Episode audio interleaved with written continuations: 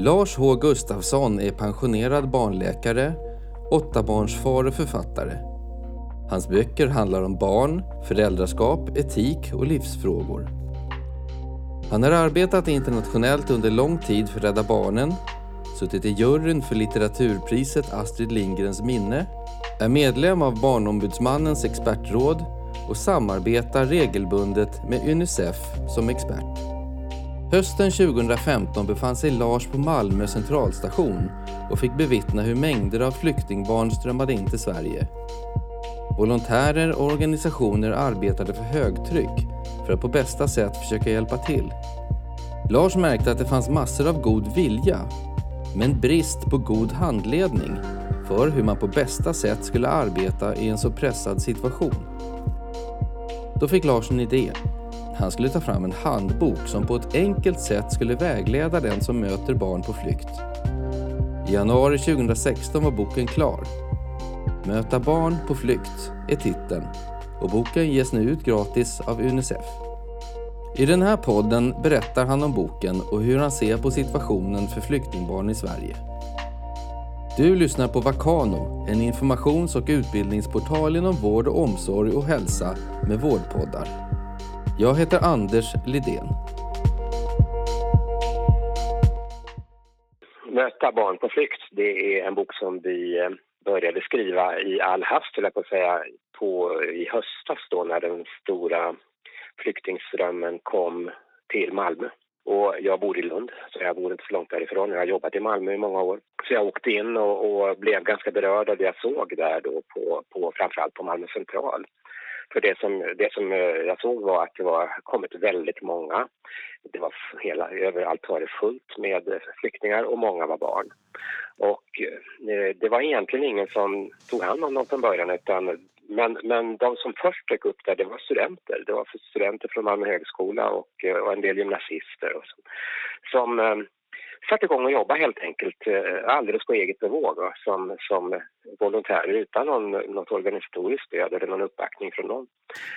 Eh, men så småningom kom ju andra organisationer dit och, och Röda Korset dök upp ganska snabbt och, och så småningom kom Migrationsverket och polisen var ju där hela tiden. Så, men, eh, så att det blev lite bättre efterhand. Men, och sen organiserades ju det hela där och men mycket av det arbete som gjordes, gjordes av volontärer, av unga, entusiastiska, engagerade människor som inte hade så mycket bakgrund egentligen. De, många hade ju aldrig jobbat med sånt här förut och visste ganska lite. Och det här med att ta hand om barn som kommer från en lång resa och som har varit med om traumatiska händelser, det är inte helt enkelt.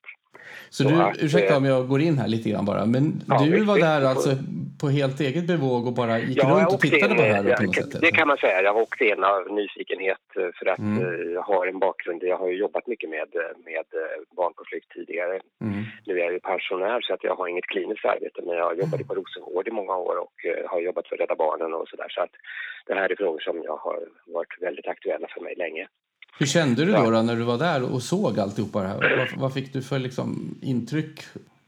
Ja, att eh, jag, blev, jag blev egentligen eh, väldigt imponerad och samtidigt lite, lite oroad förstås över att eh, det var en så långsam reaktion från början från myndigheter och från, från, också från frivilligorganisationernas sida. Och, och eh, sen när de dök upp så körde liksom var en sitt race. Man, Röda Korset körde sitt spår med sina, eh, sin personal, sina volontärer, sin utbildning, sitt material.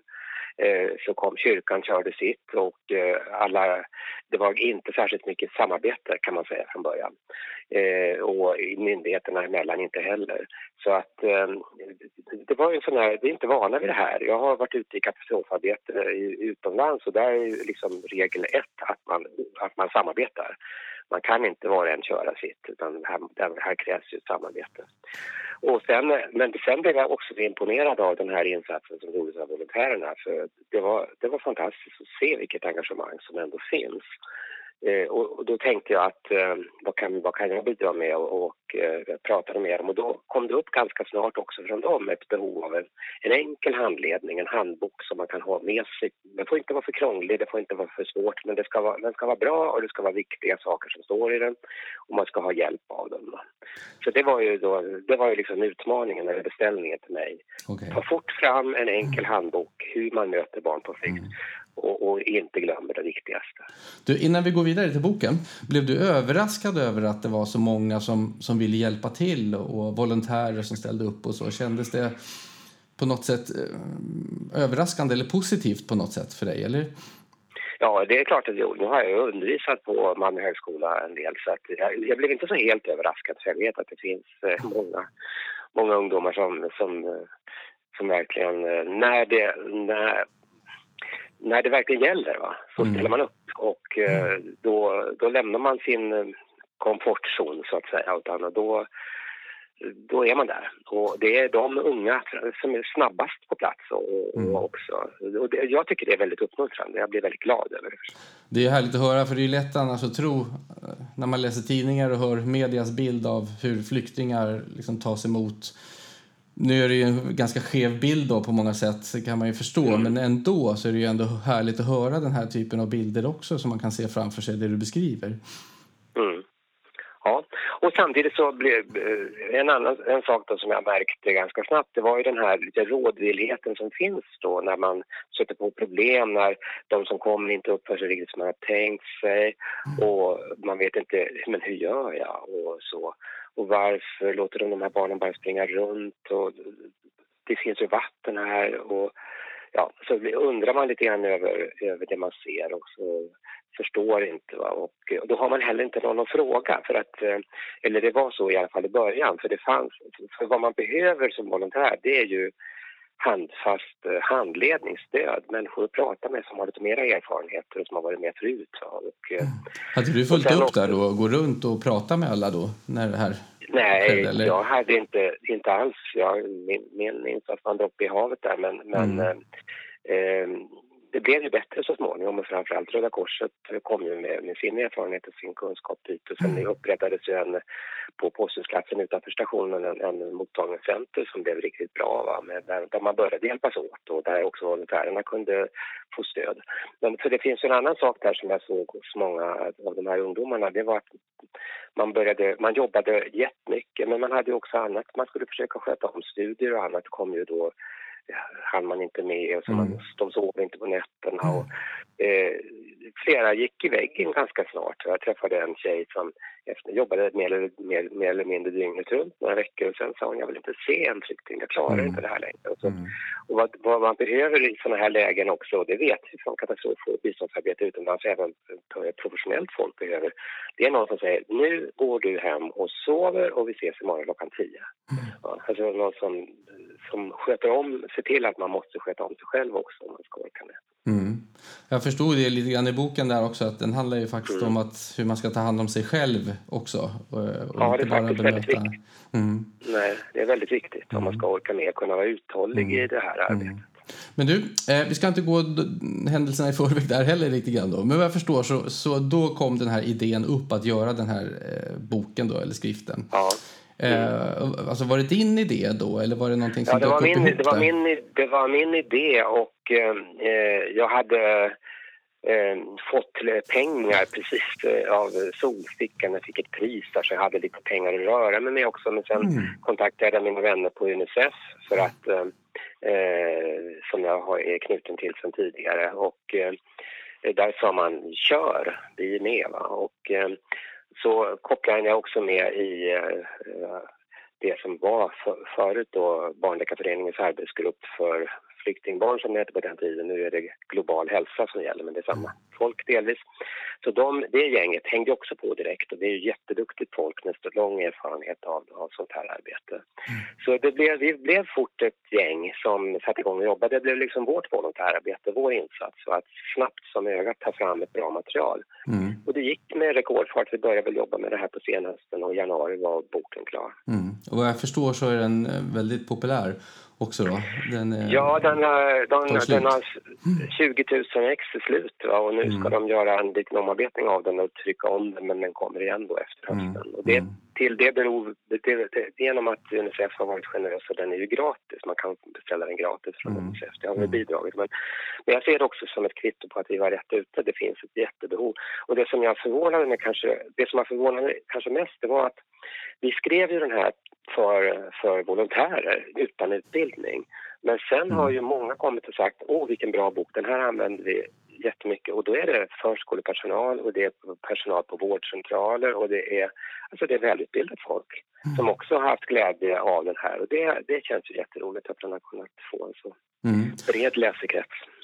Eh, den är ju eh, vad, ska, vad var det, 42 sidor lång va? eller något sånt där ungefär. Ja. Eh, kan du beskriva innehållet och strukturen på boken och hur ni har tänkt där?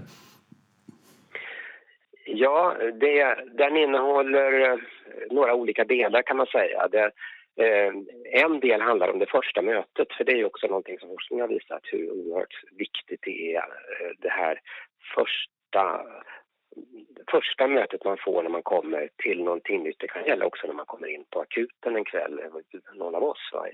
Men när man kommer till ett nytt land eller när man är i en kris, krisartad situation så hur människor möter den och eh, spel, kommer att spela en väldigt viktig roll för för eh, de, de fortsatta möjligheterna att hantera den här situationen man har hamnat i.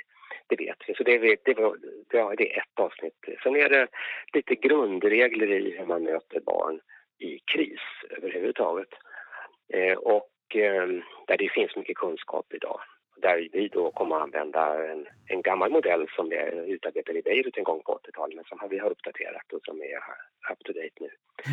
Eh, och sen har vi, eh, men sen är det också ett avsnitt just om de vanliga frågorna man får för det, det är sånt som där inventerade vi vilka frågor får vi från volontärer och andra som arbetar. Det kan till exempel här, smittar de och hur, måste jag vara vaccinerad och den typen av frågor eh, valde vi att eh, belysa. Och sen, mm.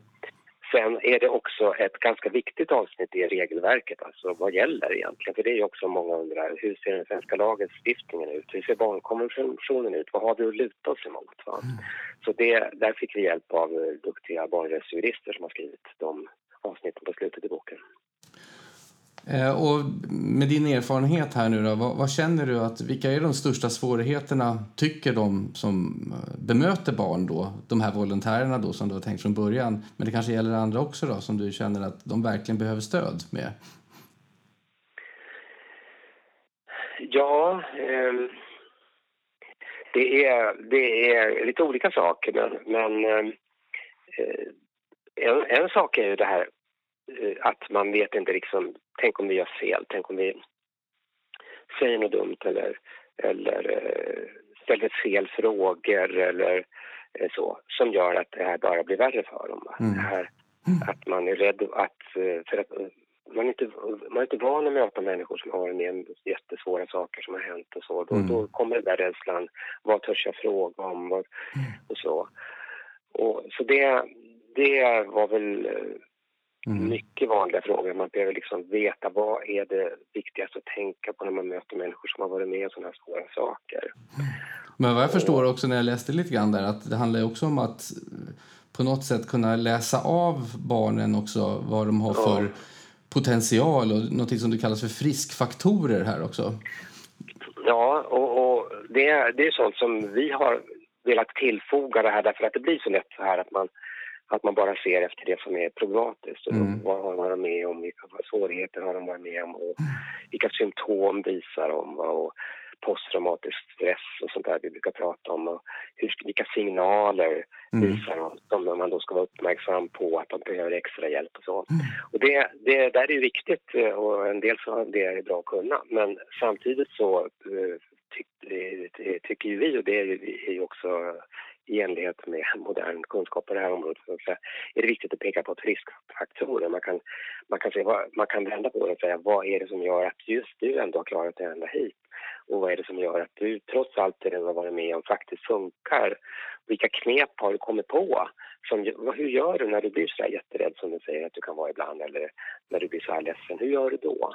Och jaha, ja, men det är så du gör. Ja men vad bra, då försöker vi hjälpa dig med det. En del till exempel barn kan säga att ja men då spelar fotboll, Tänk, för då tänker jag inte på något annat. Ja men vad bra, då fixar vi fotboll åt dig. Mm. Alltså att man, man försöker, man ser vilka överlevnadsstrategier har de mm. och bygga vidare på dem. Det här med och vikten av att vara positiv känns också som någonting som du pushar för i den här boken. Att vara, vad sa du? Positiv, att man bemöter med någon slags positiv eh, ja, bemötande det, på något sätt. Ja, alltså det tror jag är, det är viktigt för... Alltså, en av de viktigaste sakerna Eh, kanske den allra viktigaste när man befinner sig i en kaotisk situation det är att man får möta någon form av trygg struktur. Va? Så att, att det är ordning och reda och att man får veta vad som gäller, man får tydlig information och man ser att det här är en verksamhet som fungerar. Och där i det ligger också att man får möta människor som vet hur man gör.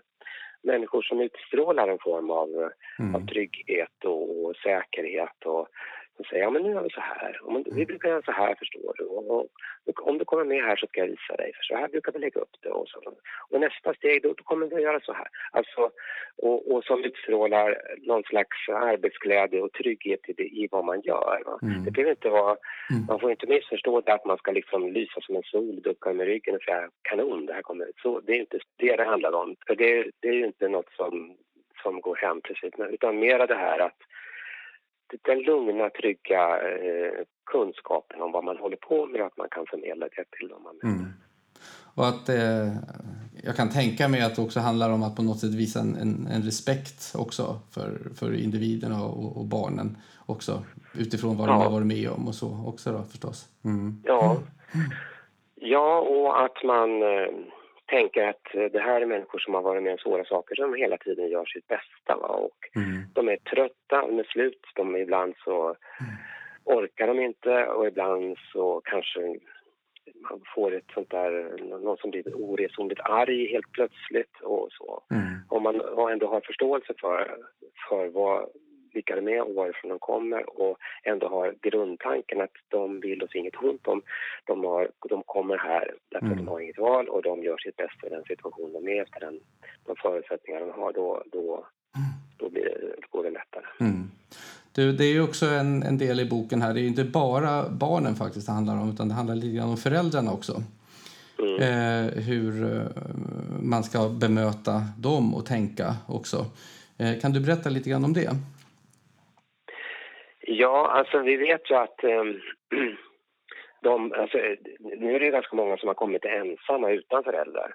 Men uh, de som kommer med föräldrar, där vet vi att uh, det är väldigt viktigt hur vi möter uh, föräldrarna och att vi också viktigt för barnen att vi respekterar föräldrarna och samarbetar med dem. Um, det, jag möter många familjer där barnen har fått ta ett orimligt stort ansvar för alltihop det föräldrarna kanske inte riktigt orkar med och eh, särskilt eh, kanske tjejer i 13-14 års åldern har jag lärt känna några som har burit familjerna på sina axlar på något mm. sätt. Mm. Och, eh, men där är det ju för just för dem extra viktigt att vi visar omsorg om deras föräldrar som de har oroat sig så mycket för nu under lång tid och mm. visar att vi, vi tänker hjälpa dem på bästa sätt också. Att, eh, både med deras egna problem men också just med att vara förälder och att orka med att vara förälder. Det är en väldigt viktig del i allt sånt här arbete. Mm. Eh, och sen är det också en del i boken som handlar om det här med eh, när barnen beskriver och berättar om sina historier och alltihopa, att det inte alltid då som saker och ting kanske stämmer med sanningen alltid och hur man ska hantera det och hur man bemöter då kanske en, en berättelse som kanske låter lite för osannolik eller så. Kan du berätta lite grann hur, hur du tänker där kring det? Ja, alltså, det här är ju väldigt komplicerat därför att eh, eh många barn eh, berättar en form av täckhistorier på något sätt, alltså historier som kanske inte bokstavligen är alldeles eh, sanna och de har sina väldigt goda skäl att göra det. Mm. Det, kan finnas, det kan finnas olika skäl till det. Ibland har eh, flyktingsmugglare och annat eh, ja, indoktrinerat dem kan man nästan säga. Mm. Så här måste du säga och det är din enda chans och annars kommer du aldrig få uppehållstillstånd så utan det här måste du säga nu. Mm. Och då håller man sig till det ett, ett, tag i alla fall. Men det kan finnas också många andra skäl till det här att eh, ibland barn som har haft mycket svåra traumatiska händelser. Till exempel, inte så få av de här barnen som kommer nu har varit utsatta för sexuella kränkningar, mm. antingen hemma eller på resan. Det är ju mm. förfärande många som har blivit utsatta för grov sexuellt utnyttjande under resans gång. Mm. eh, som ett villkor ibland för att man ska få komma vidare. Och eh, det är inte det första man berättar om, om man säger så, utan då berättar man en annan historia istället. Och det, eh, det är från början.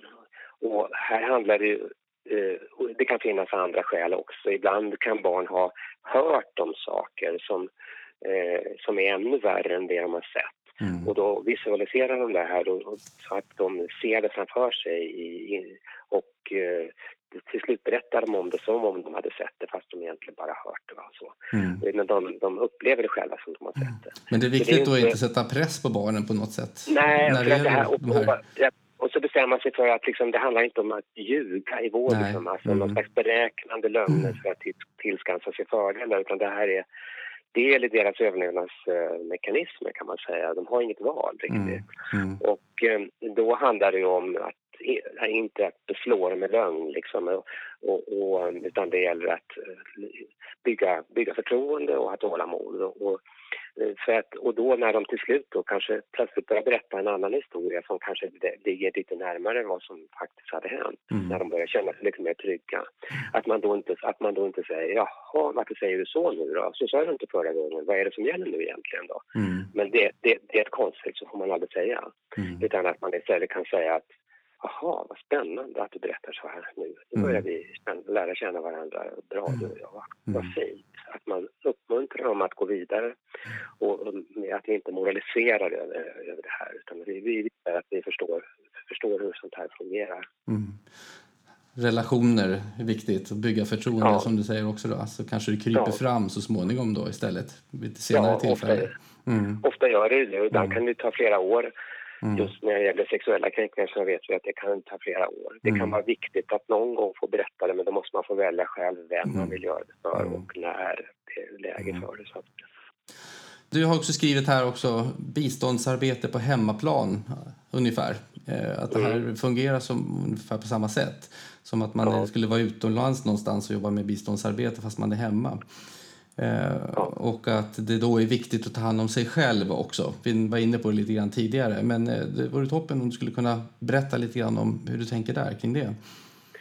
Ja, alltså jag har använt det där jag brukar säga det. Alltså, det började med att jag när jag jobbade på Rosengård också. Jag tänkte det här att det är som biståndsarbete på hemmaplan. Därför, dels att det, det finns ju de som, kom, som drömmer om att få jobba i biståndsarbete. Ungdomar tänker på då. Som säger att hur ska jag förbereda mig? Och säger, men du har ju en jättebra chans här. Bara att jobba med de flyktingar som kommer nu. Du får en jättefin utbildning i det som du har glädje av sen. Man kan ju vända på det också och säga därför att det finns ju mycket vi är ju ett, en stor biståndsnation. Vi har mycket folk som har varit ute i världen i olika krishärdar och jobbat och skaffat sig en massa erfarenheter. FN-soldater eller biståndspersonal av annat slag. Så vi har sett många som har varit ute. Och där har man ju fått mycket erfarenhet av vad som fungerar och inte fungerar. Som till exempel just det här att man måste samarbeta.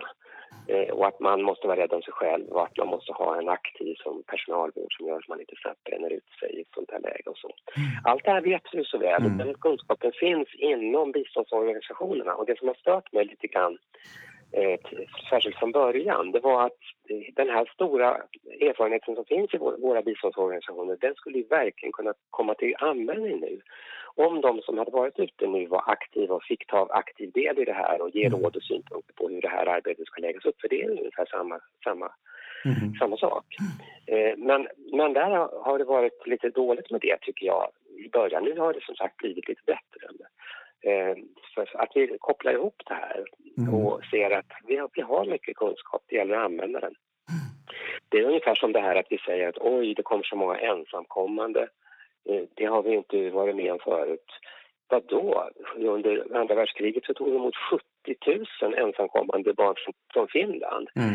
Eh, det är den största barnevakueringen i världshistorien. Mm. Så är det något land som har erfarenhet av det här så är det vi. Det, problemet är bara att vi, har, vi tog liksom inte vara riktigt på den kunskapen. Det mm. finns ganska lite. Nu har det börjat finnas mera skrivet om det, men från början var det ganska lite. Mm. Att, vi, om vi kunde gemensamt använda all den erfarenhet vi har skaffat oss på olika sätt, på ett smart sätt, då skulle vi inte alls behöva vara så handfallna i en sån här situation som den som hände i höstas utan vi skulle kunna i lugn, lugn och ro ta itu med den här situationen och lösa den ganska fint. Mm. Och ha en, en bättre beredskap för den här typen ja. av händelser då egentligen? Ja. Mm. Okay. Men det är viktigt då att ta hand om sig själv också när man jobbar med det här. Att ja. man inte bränner ut sig som du säger utan ska försöka också jobba i grupp till exempel och inte försöka jobba ensam så mycket och sånt har jag läst.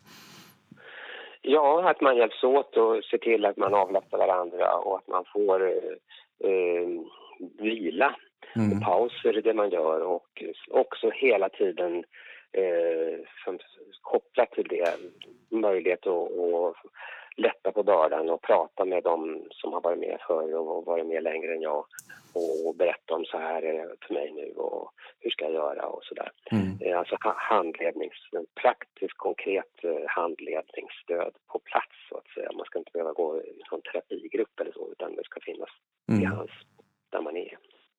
Det vet vi från sjukvården, vi vet ju det från akutsjukvården. Räddningstjänsten var väl först med det här att man verkligen såg till att de som hade varit ute på svåra uppdrag alltid fick möjlighet att berätta och prata om det om de ville. Och på många akutmottagningar i, landet har ju också sådana rutiner nu att man, när man har varit med om en svår händelse under en dag så ska man få möjlighet att kunna prata med någon mm. klok person. Så det skulle kunna bli bättre det här i alla fall då, för de som jobbar på hemmaplan, tycker du? Förhållandevis Absolut. till...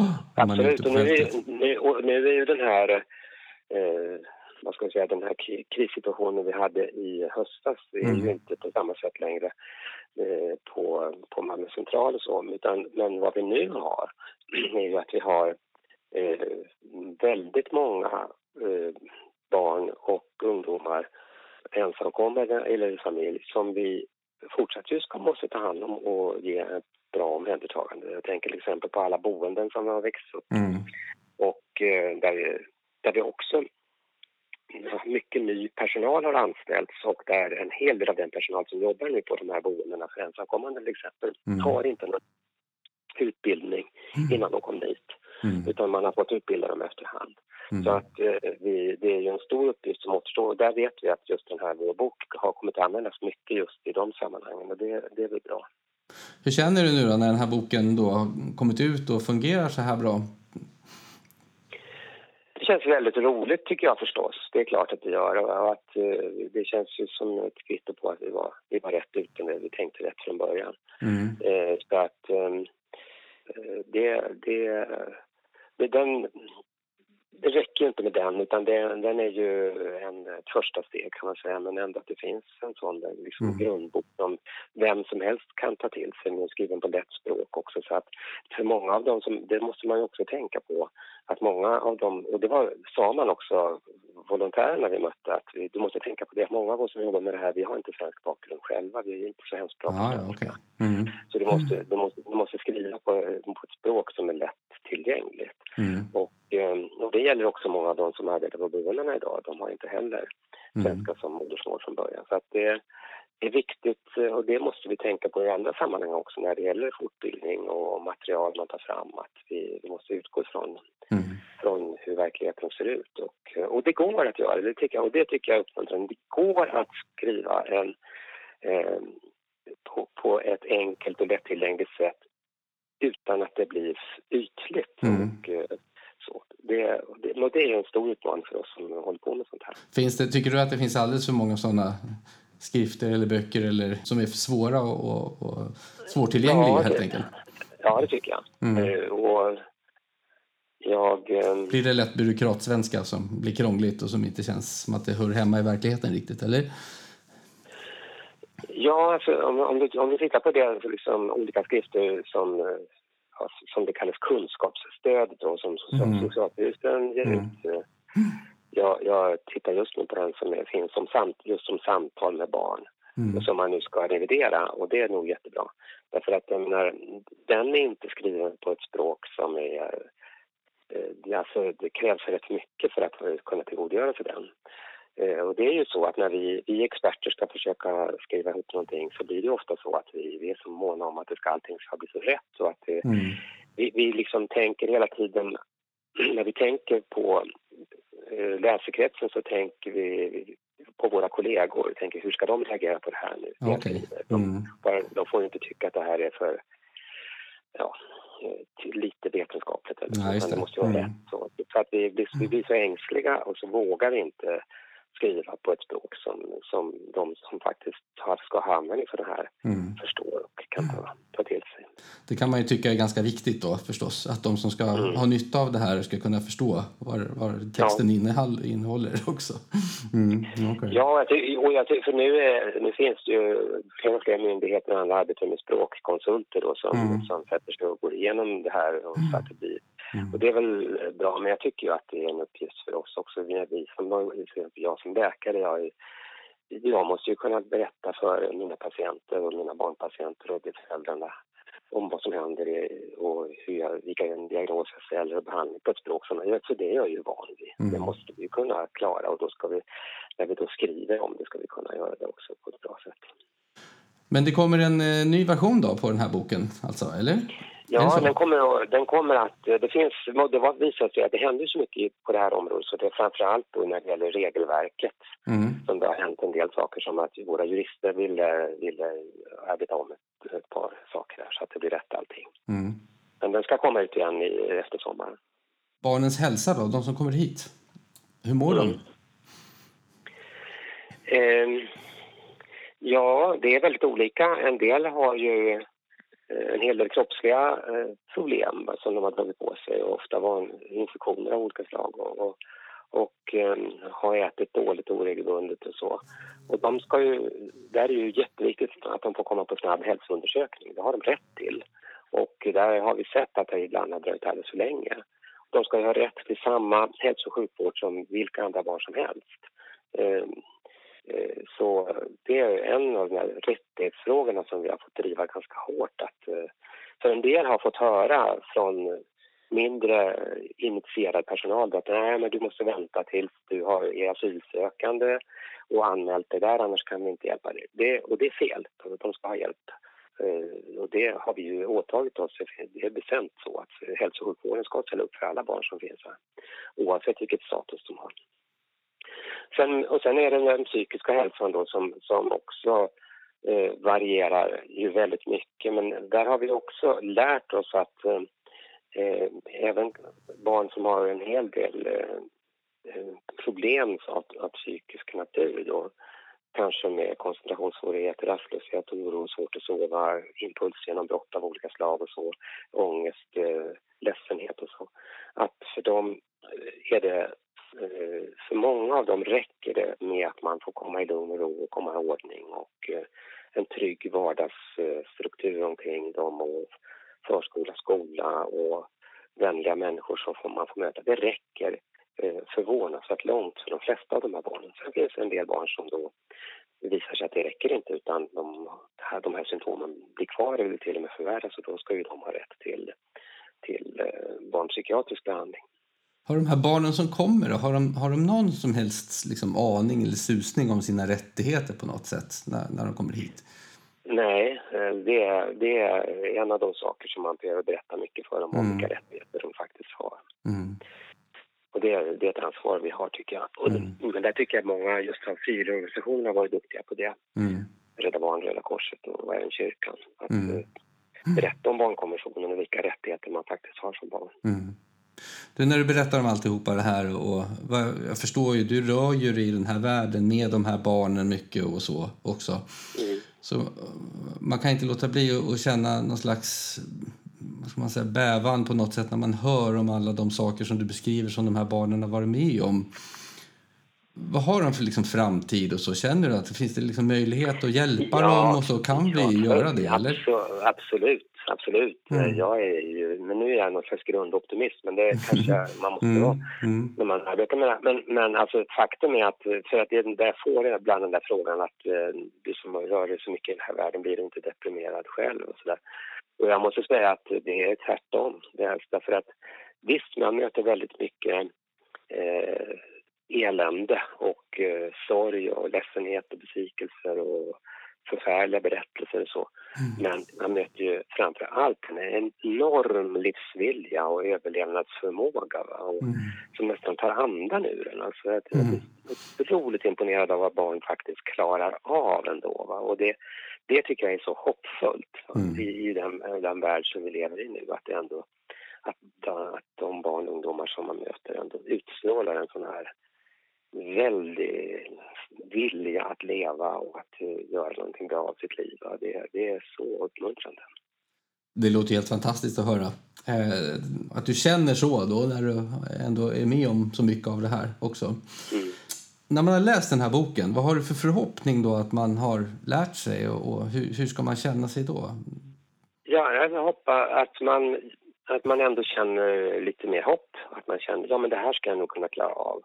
Och så förfärligt märkvärdigt är ändå inte det här. Och visst, jag har ingen utbildning men, men det här kan, kan jag nog förstå och eh, det här kommer jag säkert kunna göra, bidra med, med mitt. Va?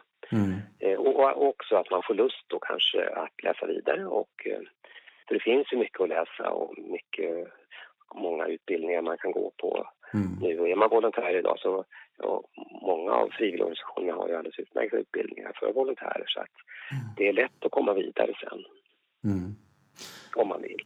Jag känner också lite grann mellan raderna i boken någonstans att den är skriven lite grann som du säger som en uppmuntran på något sätt också.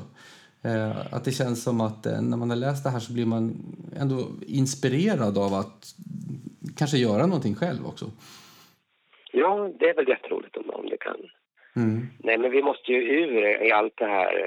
Jag tycker det är en sån oerhört deprimerande politisk eh, diskussion om de här frågorna när man använder ord som systemkollaps och mm. att vi har nått gränsen av vad vi klarar av och sådär. Det har vi mm. inte alls. Vi klarar av mycket mer än så här och det, mm. det är så förfärligt märkvärdigt är det inte utan eh, världen ser ut som den gör och vi får hjälpas åt att göra det bästa av det. Och vi har faktiskt en, vi lever i, en, i ett rikt land med mycket resurser och mycket kunskap och mycket erfarenhet just av biståndsarbete i utlandet. Så är det några mm. som ska klara det här så är det väl vi. Mm. Du, Lars, tack så jättemycket mm. för att du ville vara med. Jag önskar dig lycka till eh, framöver ja, med ditt arbete när det gäller här. Är det något annat på gång som du håller på med när det gäller den här typen av arbete? Inte just när det gäller de här frågorna. Nej. Jag är som sagt eh, pensionär så jag har inget kliniskt arbete kvar utan mm. nu ägnar jag mig åt att skriva och delta i debatten. Och jag är med i Barnombudsmannens expertråd och jag har lite sådana här andra uppdrag. Mm. Det, mm. det passar mig alldeles utmärkt. Mm. Okej. Okay. Stort tack! Jättetack! Mm. Okay. Tack för det. Hej då! Hej då! Hej. Du har lyssnat på en podcast från informations och utbildningsportalen Vakano. Har du synpunkter på programmet eller vill tipsa om något annat inom vård, forskning eller hälsa så ta gärna kontakt. Alla kontaktuppgifter finns på vakano.se. Och jag som har gjort den här podden heter Anders Lidén.